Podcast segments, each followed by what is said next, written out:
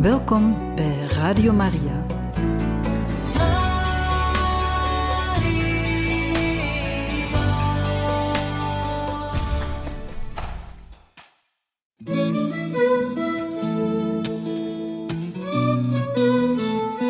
De kerk spreekt.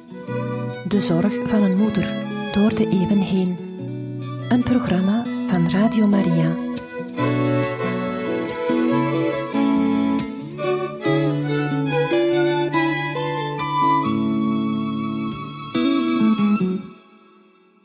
Van harte welkom, beste luisteraars van Radio Maria, bij het programma De Kerk Spreekt. We lezen u vandaag verder voor uit de apostolische exhortatie Reconciliatio et Penitentia, geschreven op 2 december 1984 door de heilige paus Johannes Paulus II en het gevolg van de zesde algemene vergadering van de bisschoppensynode in 1983. Het eerste hoofdstuk. Middelen en wegen ter bevordering van bekering en verzoening. Ter bevordering van de bekering en de verzoening staan de kerk voornamelijk twee middelen ter beschikking. Haar door haar stichter zelf gegeven de catechese en de sacramenten. Altijd heeft de kerk het gebruik van deze middelen beschouwd als iets dat zowel in overeenstemming is met de eisen van haar heilszending als met de eisen en geestelijke noden van de mens van alle tijden. Zij kunnen op allerlei manieren, oude zowel als nieuwe, worden aangewend waaronder hier vooral die manier te vermelden is, die we in navolging van mijn voorganger, Paulus VI, de methode van de dialoog kunnen noemen. De dialoog. Voor de kerk is de dialoog in zekere zin ook een middel of weg, maar op de eerste plaats toch een methode voor haar werkzaamheid in de wereld van deze tijd. Immers, het Tweede Vaticaans Concilie leert.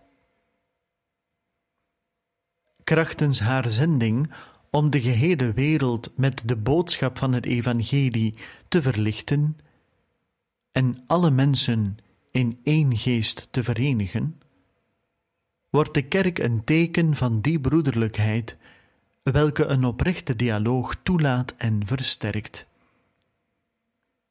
En het voegt daaraan toe dat zij bereid moet zijn een steeds vruchtbaarder dialoog op gang te brengen tussen allen die het ene volk van God vormen. Als ook dat zij in staat moet zijn met de menselijke samenleving in gesprek te komen. Mijn voorganger, Paulus VI, heeft aan deze dialoog het grootste deel van zijn eerste encycliek gewijd. Die begint met de woorden Ecclesiam Suam. Daarin omschrijft en bepaalt hij de dialoog veelbetekenend als een heilsdialoog.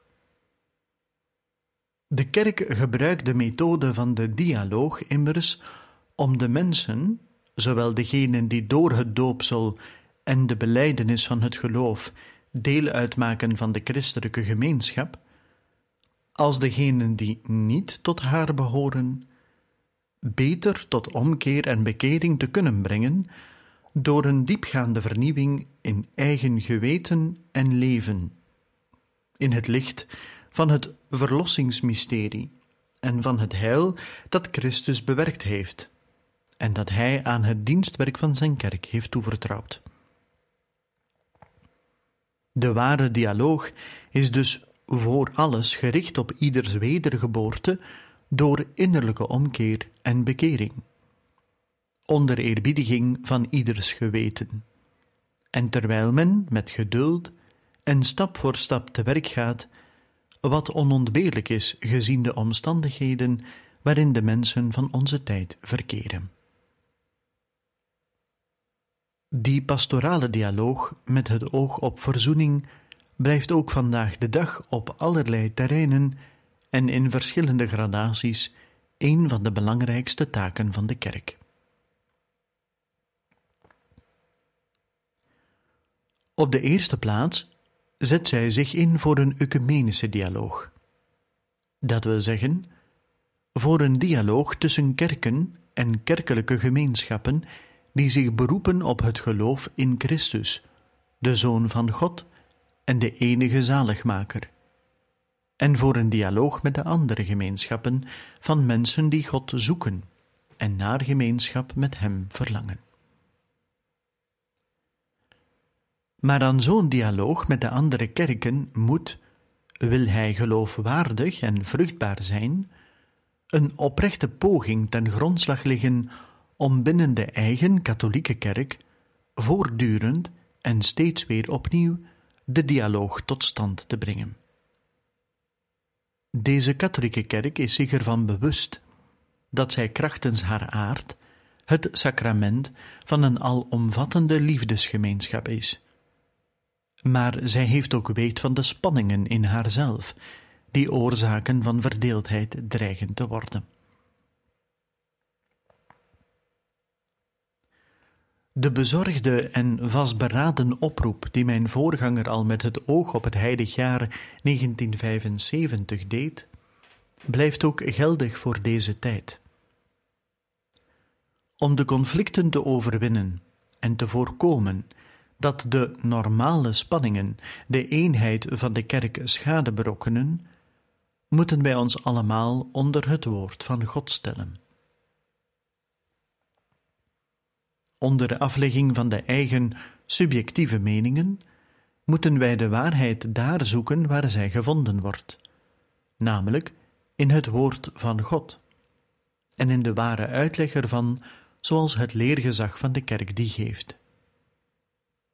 In dit licht worden de eigenschappen duidelijk die de dialoog, welke in de kerk met volharding, welwillend en oprecht gevoerd moet worden, moet hebben luisteren naar elkaar, elkaar respecteren, zich onthouden van elk voorbarig oordeel, het geduld en het vermogen om te voorkomen dat het geloof dat één maakt, ondergeschikt gemaakt wordt aan meningen, modeverschijnselen en ideologische stellingnamen die verdeeldheid zaaien. Het zal duidelijk zijn dat de dialoog niet van die aard kan zijn en geen middel van verzoening kan worden, tenzij men acht slaat op het leergezag en dat ook aanvaardt.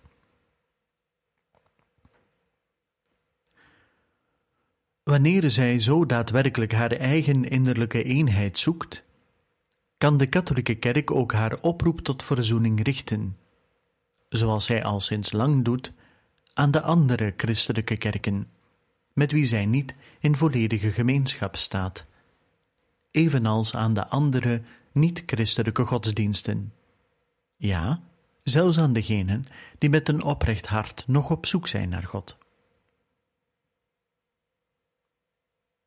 In het licht van het concilie en van de uitoefening van het leergezag door mijn voorgangers, wier kostbare nalatenschap ik overgenomen heb en tracht te verwezenlijken, kan ik bevestigen dat de kerk getrouw zonder lichtvaardig optimisme, maar ook zonder wantrouwen, zonder te twijfelen of te aarzelen, haar bijdrage levert aan het ecumenisch gesprek.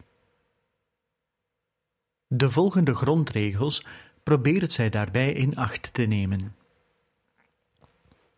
Enerzijds de overtuiging dat enkel een geestelijk ecumenisme, een dat steunt op het gezamenlijke gebed, en op de gezamenlijke volgzaamheid jegens de Heer, het mogelijk maakt om oprecht en serieus te beantwoorden aan alle overige vereisten van de ecumenische activiteit.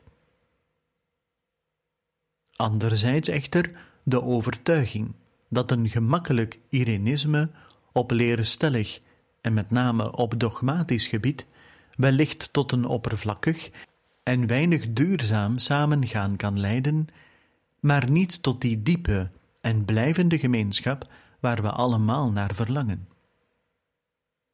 Deze gemeenschap zal pas dan bereikt worden wanneer de goddelijke voorzienigheid dat wil.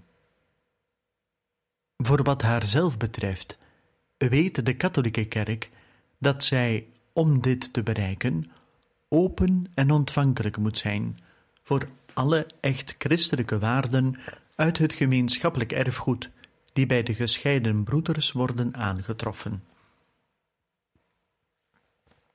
Maar ook dat een oprechte en constructieve dialoog gebaseerd moet zijn op helderheid van uitgangspunten, op trouw en op overeenstemming met het geloof, zoals dat overgeleverd en gedefinieerd is in een constante traditie van haar leergezag.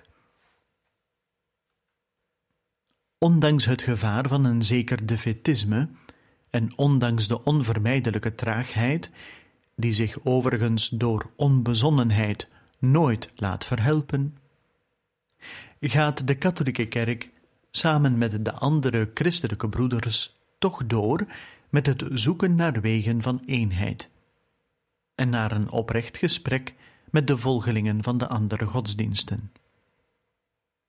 Mogen deze dialoog met de andere godsdiensten leiden tot de overwinning van iedere vorm van vijandigheid, van wantrouwen, van onderlinge veroordeling en ruzie.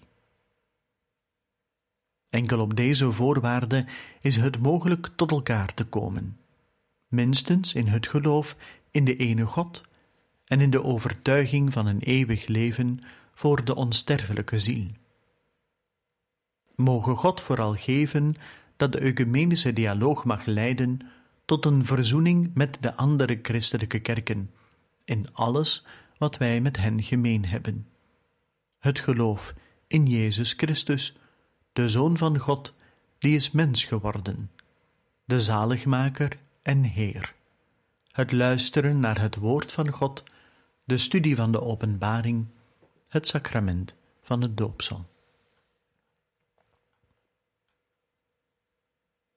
In de mate dat de kerk in haar eigen midden een werkzame eendracht, een eenheid in verscheidenheid tot stand weet te brengen, en voor de andere kerken en kerkelijke gemeenschappen, evenals voor de andere godsdiensten, een nederige getuige en bewerkster van verzoening weet te zijn, wordt zij zelf, volgens een veelbetekenende uitdrukking van de heilige Augustinus, een verzoende wereld. Pas dan immers zal zij in de wereld en voor de wereld een teken van verzoening kunnen zijn. Bewust als hij zich is van de uitermate ernstige situatie die ontstaan is door de krachten van de verdeeldheid en van de oorlog, een situatie die niet slechts het evenwicht en de verstandhouding tussen de naties dreigt te verstoren, maar die tevens een ernstige bedreiging inhoudt voor de overleving van de mensheid, voelt de kerk zich verplicht haar eigen bijdrage en hulp te verlenen bij de overwinning van conflicten en bij het herstellen van de eendracht. Het gaat hier om een ingewikkelde en delicate dialoog van verzoening, waarvoor de kerk zich vooral inzet door middel van de activiteiten van de Heilige Stoel en zijn diverse organen. De Heilige Stoel streeft ernaar om daar waar conflicten bestaan, de verzoening te bevorderen, het zij door haar gezag aan te wenden bij nationale regeringen of verantwoordelijken van internationale instellingen, het zij door met hen een dialoog aan te gaan of hen aan te sporen met elkaar in dialoog te treden. De kerk doet dit niet met bijbedoelingen of vanuit verborgen eigenbelangen. Die heeft zij immers niet, maar vanuit een bezorgdheid om de mensheid. Daarom zet zij haar geheel eigen institutionele structuur en moreel gezag in voor de dienst van de eendracht en de vrede. Ze doet dat met name vanuit de overtuiging dat, zoals in de oorlog twee partijen elkaars tegenstanders zijn, er zo ook in de zaak van de vrede noodzakelijk altijd twee partijen zijn die er zich voor moeten inzetten. En dat daarin de ware betekenis ligt van de dialoog voor de vrede.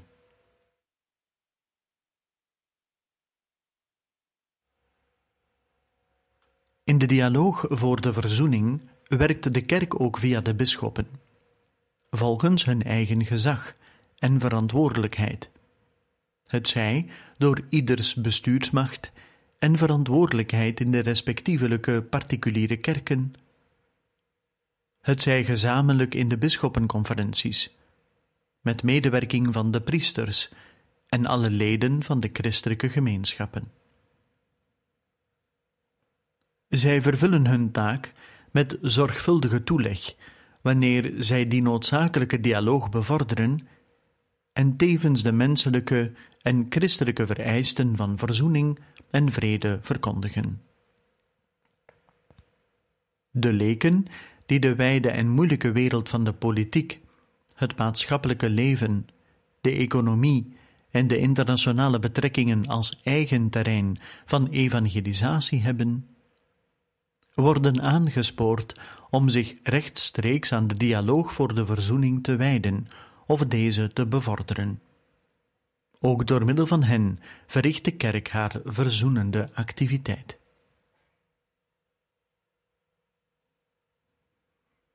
In de vernieuwing van de harten, door omkeer en bekering, ligt dus de grondvoorwaarde en de zekere grondslag ter verkrijging van elke sociale vernieuwing en van de vrede tussen de volkeren.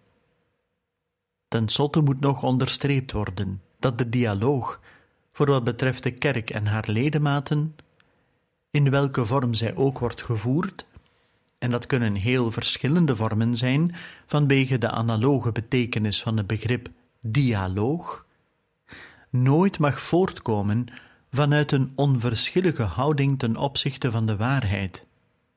Maar deze veeleer moet aantonen, in alle sereniteit en met respect voor de wijsheid en het geweten van anderen. De dialoog van de verzoening zal echter nooit de verkondiging van de evangelische waarheid mogen vervangen of verzwakken, die de bekering van de zondaar beoogt en zijn gemeenschap met Christus en de kerk. Maar zal moeten dienen voor de overdracht van die evangelische waarheid, opdat zij in een praktijk van leven wordt omgezet met behulp van de middelen die Christus aan zijn kerk heeft nagelaten, voor de pastoraal van de verzoening, de catechese en de werken van bekering.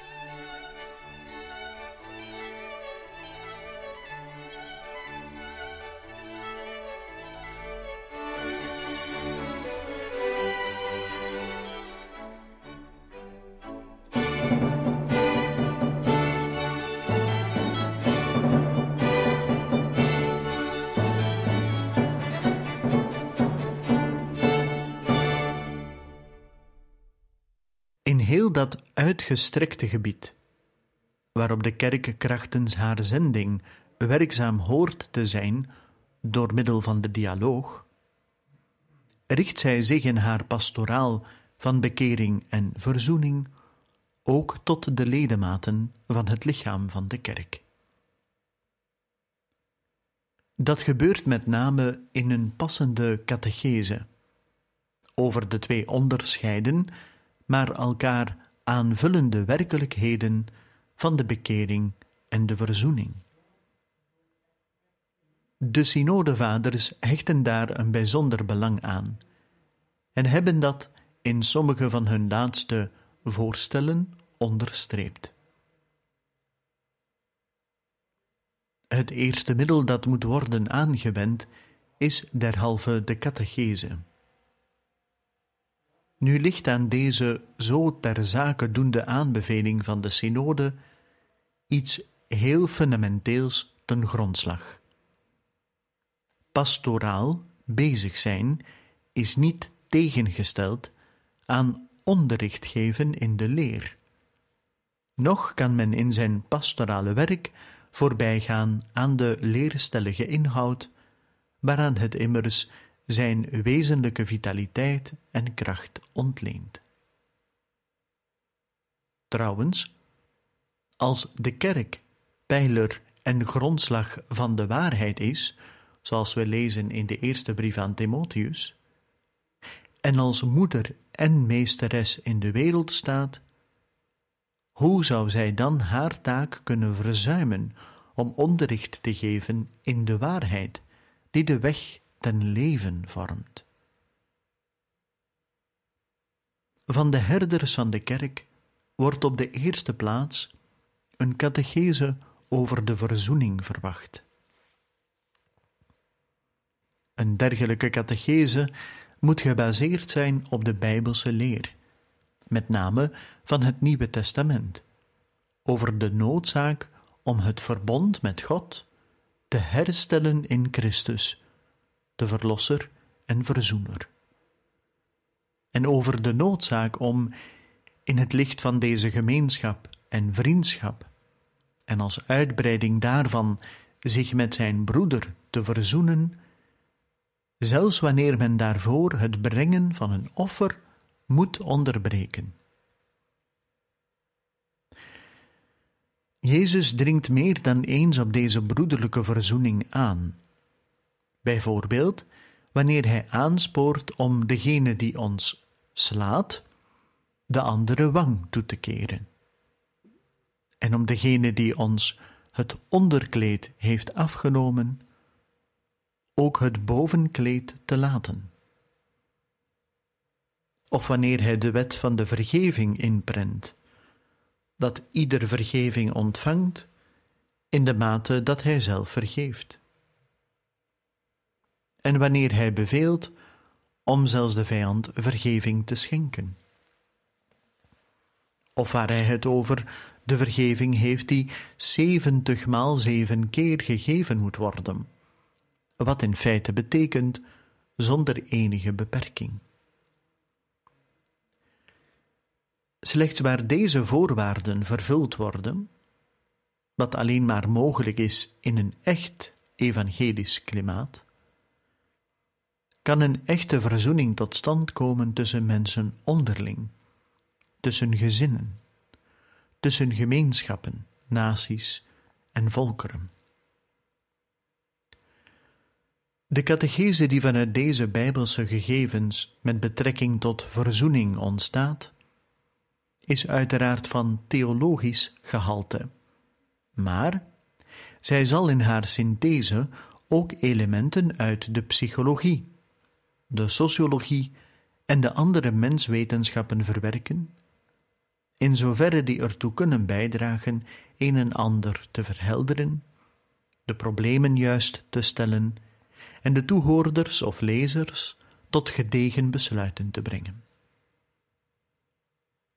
Bovendien wordt van de herders van de kerk een catechese over de bekering verwacht.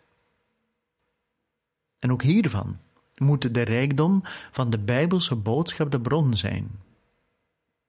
Deze boodschap onderstreept in de bekering, penitentia, vooral de waarde van de omkeer, conversio, een woord waarmee men de term metanoia van de Griekse tekst probeert weer te geven, waarvan de betekenis letterlijk is dat de geest omgedraaid wordt en naar God toegekeerd. Overigens komen beide grondbetekenissen ook naar voren in de parabel van de verloren en weer teruggevonden zoon. Namelijk, enerzijds het tot nadenken komen, letterlijk tot zichzelf terugkeren, en anderzijds het plan om naar de Vader terug te gaan. Er kan geen verzoening zijn zonder deze fundamentele gesteltenissen van de omkeer. Het is aan de catechese om ze uit te leggen aan de hand van concrete begrippen en in termen die aangepast zijn aan de verschillende leeftijden en de uiteenlopende culturele, zedelijke en maatschappelijke omstandigheden. Deze eerste waarde van de bekering zet zich voort in een tweede. Bekering houdt immers ook in dat het iemand spijt. Deze dubbele betekenis van het woord metanoia komt naar voren in het veelbetekenende gebod van Jezus. Als uw broeder zich bekeert, in de betekenis van zich weer tot u keert, vergeef hem dan. En al misdoet hij zevenmaal per dag tegen u, maar zevenmaal ook keert hij zich weer tot u met de woorden: Het spijt me, dan moet ge hem vergeven. Een goede catechese zal duidelijk maken dat ergens spijt van hebben, net als de omkeer, beslist geen oppervlakkige gemoedsaandoening is, maar een echte omwenteling van het hart. Er ligt nog een derde waarde in de bekering. De beweging namelijk, waardoor de genoemde gesteltenissen van de omkeer en de spijt zich naar buiten toe uiten. Het boete doen. Deze betekenis is goed te herkennen in de manier waarop, volgens de tekst van de Synoptici, de voorloper het woord metanoia gebruikt. Boete doen betekent vooral het evenwicht en de harmonie herstellen die door de zonde waren verstoord. Van richting veranderen, ook waar dit toeleg vraagt op het verloochenen van zichzelf. In een tijd als de onze, nu de toonaangevende houdingen in de psychologie en in het maatschappelijk leven zo tegen de toegelichte drievoudige waarde indruisen, is een zo volledig en passend mogelijke catechese over de bekering onmisbaar.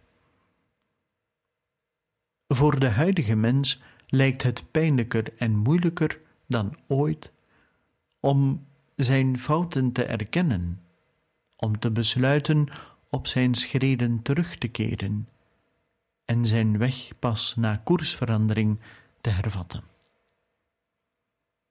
Hij lijkt allerminst geneigd om te zeggen: Het spijt me, of het doet me leed. Instinctief en dikwijls onweerstaanbaar lijkt hij alles af te wijzen wat te maken heeft met bekering, in de zin van het aanvaarden van een boete die men ondergaat om een zonde goed te maken. In dat verband zou ik willen onderstrepen dat de boetepraktijk van de kerk, ook al is hij sinds enige tijd verzacht, niet opgegeven kan worden zonder ernstige schade voor het innerlijke leven van de christenen en de kerkelijke gemeenschap, evenals voor hun vermogen tot missionaire uitstraling. Niet zelden immers staan niet-christenen verbaasd over het geringe getuigenis van echte boete bij de leerlingen van Christus. Het mogen overigens duidelijk zijn dat christelijke boete pas dan echt is als zij uit liefde voortkomt en niet alleen uit vrees. Als zij de serieuze poging inhoudt om de oude mens te kruisigen, opdat door de kracht van Christus de nieuwe mens geboren kan worden. Als zij het voorbeeld volgt van Christus, die, hoewel hij onschuldig was, de weg van de armoede en het geduld, van de soberheid en, zo kan men zeggen, van het boetvaardige leven gekozen heeft. Verder wordt van de herders van de kerk, zoals de synode onderstreept heeft, een catechese verwacht over het geweten en zijn vorming. Ook dit thema is uiterst actueel, gezien het feit dat dit innerlijke heiligdom, dit binnenste van de mens, dat zijn geweten is, door de schokken waaraan de hedendaagse cultuur is blootgesteld, maar al te vaak belaagd en bekoord wordt, verward en verduisterd. Voor een wijze catechese over het geweten kunnen kostbare richtlijnen gevonden worden bij de kerkvaders, evenals in de theologie van het Tweede Vaticaans Concilie. Met name in de twee documenten over de kerk in de wereld van deze tijd, Gaudium et Spes, en over de godsdienstvrijheid, Nostra Aetate. In deze materie heeft ook Paulus VI dikwijls het woord genomen om de eigen aard van het geweten en zijn rol in ons leven te verduidelijken. In zijn voetspoor laat ik zelf geen gelegenheid voorbijgaan om dit uitermate belangrijke aspect van de grootheid en de waardigheid van de mens toe te lichten. Dit soort van morele zintuig dat ons in staat stelt het goede te onderscheiden van het kwade, als een innerlijk oog, een gezichtsvermogen van de geest, waardoor onze schreden op de weg van het goede geleid kunnen worden, waarbij ik de noodzaak benadruk van een christelijke vorming van het eigen geweten, opdat het geen kracht wordt die het ware mens zijn van de persoon ten gronde richt, terwijl het de heilige plaats zou moeten zijn waar God aan de mens laat zien wat echt goed voor hem is.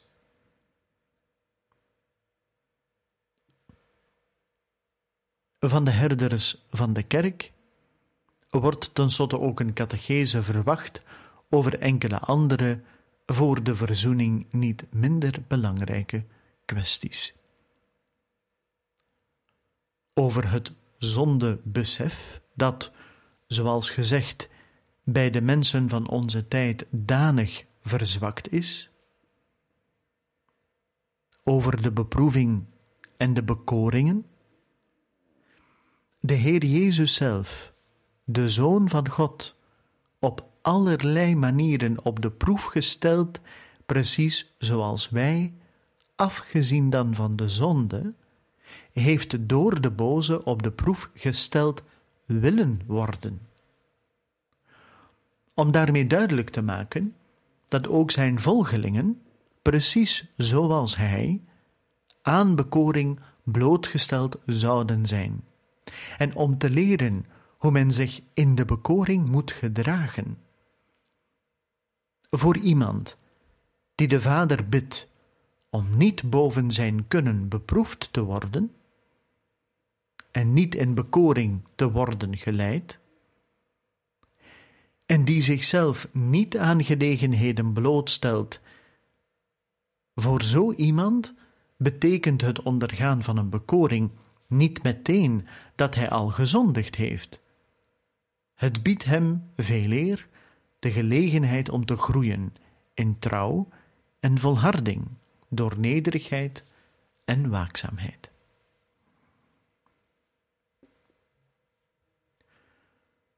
Over het vasten, dat op oude en nieuwe manieren kan gebeuren als een teken van bekering, spijt en persoonlijke versterving, en tegelijk van vereniging met de gekruisigde Christus, als een teken ook van solidariteit met de hongerenden en de lijdenden. Ook over de aalmoes, die een middel is tot concrete naastenliefde, waarbij men wat men heeft deelt met degene die lijdt onder de gevolgen van de armoede. Over de nauwe band tussen de overwinning van de verdeeldheid in de wereld, met de volle gemeenschap met God en tussen de mensen onderling, wat het uiteindelijke doel is van de kerk. En tot slot over de concrete situaties waarin de verzoening tot stand moet komen, in het gezin, in de samenleving, in de maatschappelijke structuren, en met name over die vier vormen van verzoening, waardoor de vier voornaamste vormen van gebrokenheid worden genezen. De verzoening van de mens met God, de mens met zichzelf, de mens met zijn broeders en de mens met de schepping.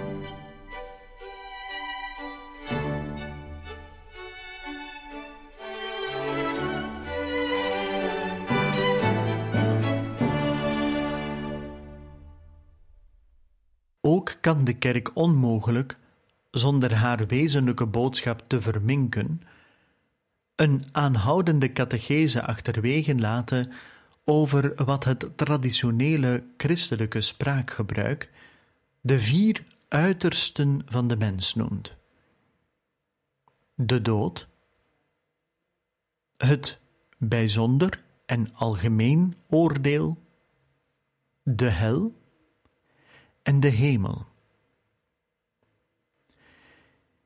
In een cultuur die ertoe neigt de mens uitsluitend te zien in zijn meer of minder geslaagde aardse omstandigheden, wordt van de herders van de kerk dringend een catechese verlangd die met de zekerheid van het geloof het zicht opent op een leven na dit leven en die dat ook toelicht.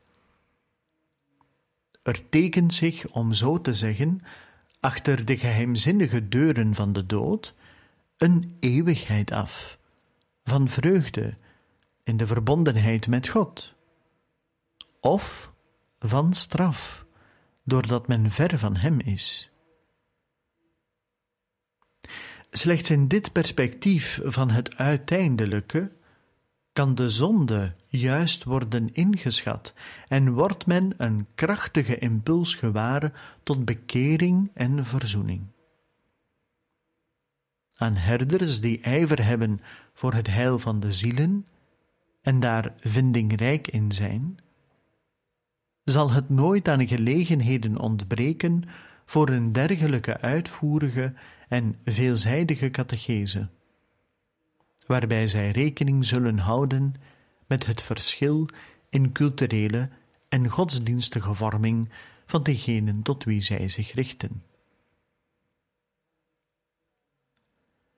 Dergelijke gelegenheden worden geboden door de schriftlezingen, door de riten van het Eucharistisch offer en de andere sacramenten, en ook door de omstandigheden waarin deze worden gevierd.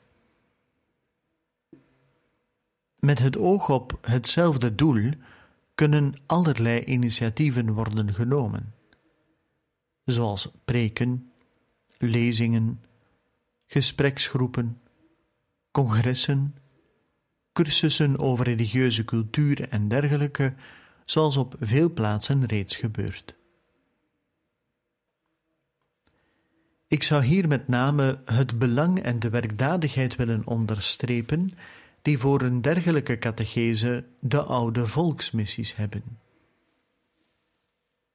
Wanneer zij aan de bijzondere noden van onze tijd worden aangepast, kunnen zij, net als vroeger, ook nu een goed hulpmiddel zijn tot geloofsonderricht, ook met betrekking tot het terrein van bekering en verzoening. Gezien het grote belang van een op bekering gebaseerde verzoening voor het delicate gebied van de menselijke relaties en van het maatschappelijke samenleven in al zijn gradaties, met inbegrip van de internationale relaties, kan de catechese niet de kostbare bijdrage missen van de sociale leer van de kerk. Mijn voorgangers hebben hierover al sinds Leo XIII steeds op het juiste moment en met nauwgezetheid onderricht gegeven.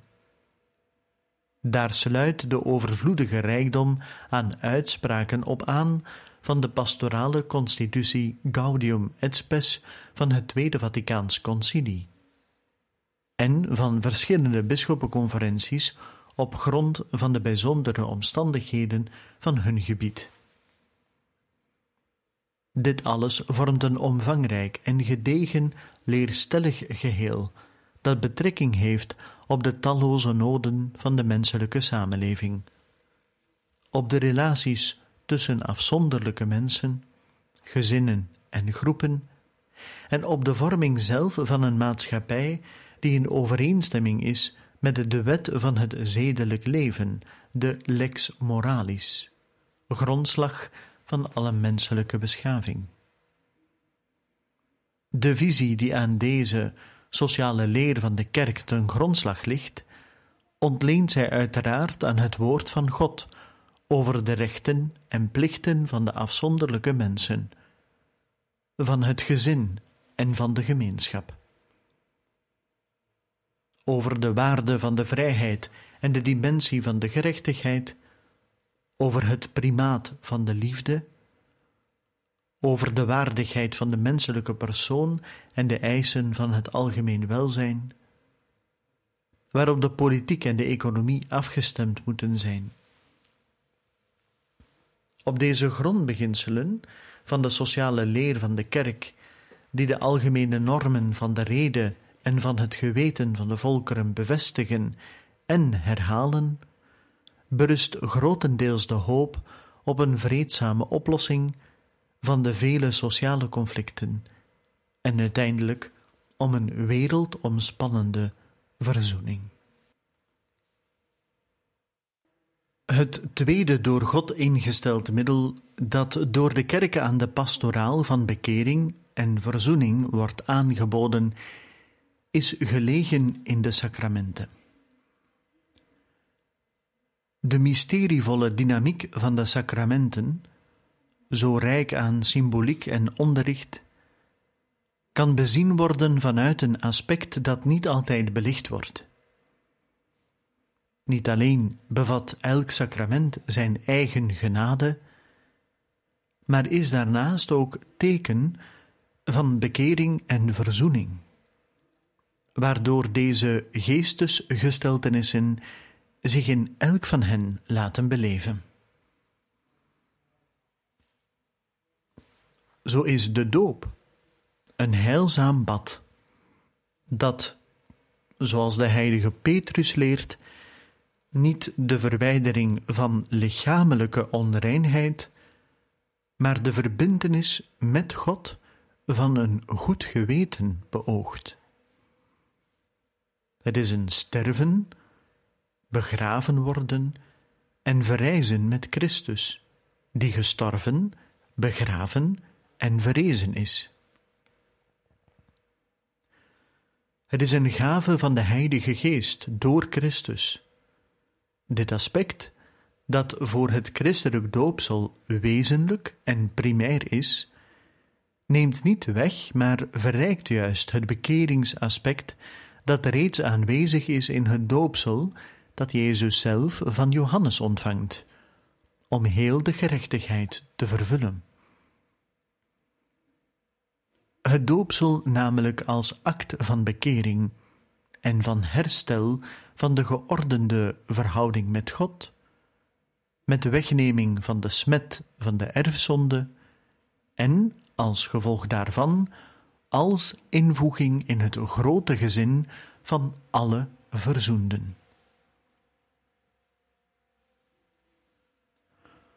Zo ook het vormsel.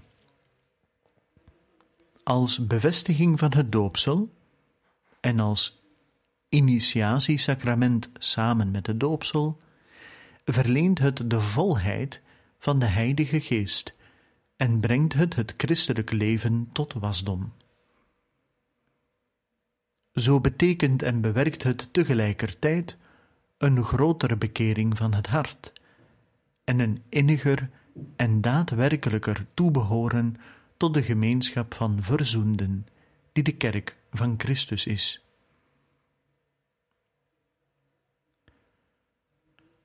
De door de heilige Augustinus overgeleverde bepaling van de Eucharistie als sacrament van Gods liefde, teken van eenheid en band van liefde, maakt heel duidelijk dat zij de heiliging van iedere mens persoonlijk, wat met de godsliefde wordt aangeduid, en de verzoening van de gemeenschap, wat met eenheid en liefde bedoeld wordt, bewerkt.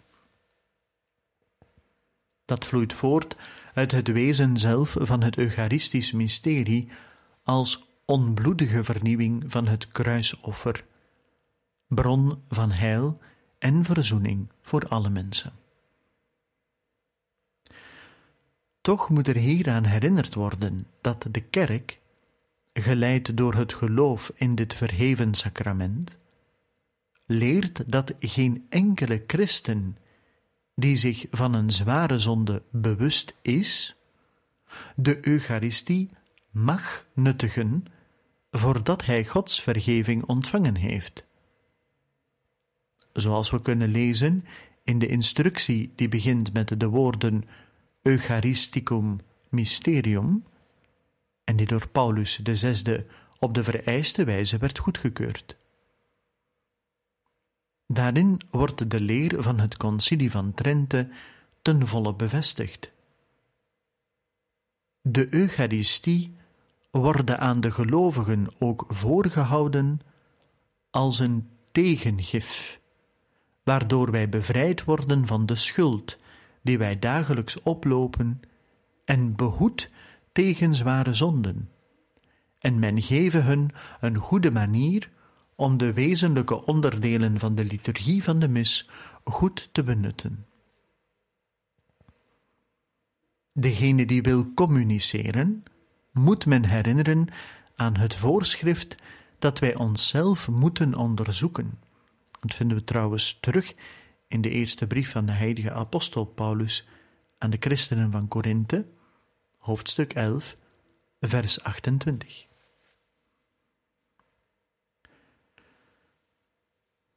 Het kerkelijke gebruik maakt duidelijk dat een dergelijk onderzoek nodig is, aangezien niemand die zich van een doodzonde bewust is, zonder voorafgaande sacramentele biecht, tot de heilige Eucharistie mag naderen, al meent hij ook nog zo'n groot berouw te hebben.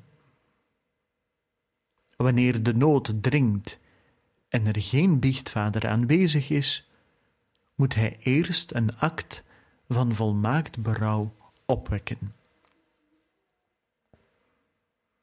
Zo staat in datzelfde document Eucharisticum Mysterium.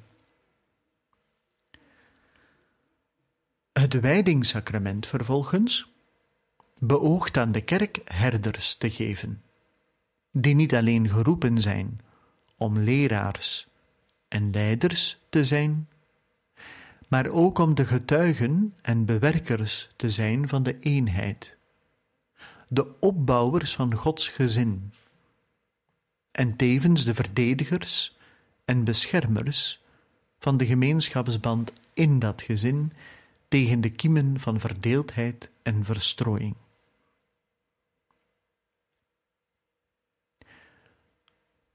Wat het sacrament van het huwelijk betreft, als verheffing van de menselijke liefde onder de impuls van de genade, is het een teken van de liefde van Christus voor de kerk, maar ook van de overwinning die Hij de gehuwden schenkt, op de krachten die de liefde vervormen en vernietigen. Zo wordt het gezin dat uit dit sacrament ontstaat ook een teken van de verzoende en verzoenende kerk, ten behoeve van een in al haar structuren en instellingen verzoende wereld.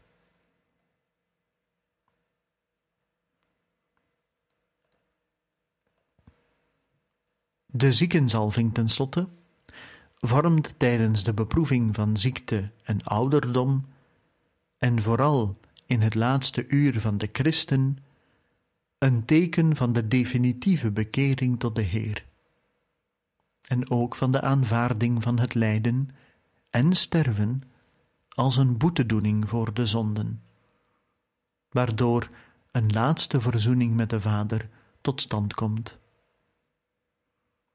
Maar onder de sacramenten wordt er één aangetroffen dat weliswaar dikwijls het sacrament van de biecht genoemd wordt, vanwege de belijdenis van de zonden die erin plaatsvindt, maar dat men beter bij uitstek als het sacrament van de bekering kan beschouwen, zoals het trouwens ook in feite heet. Het is het sacrament van de bekering en verzoening. De laatste synodevergadering heeft met name over dit sacrament gesproken vanwege zijn betekenis voor de verzoening. En zo, beste luisteraars van Radio Maria, zijn we aan het einde gekomen van deze aflevering van De Kerk Spreekt, waar we u mochten voorlezen uit de post-synodale exhortatie Reconciliatio et Penitentia. We danken u van ganser harte voor het luisteren en graag tot een volgende gelegenheid.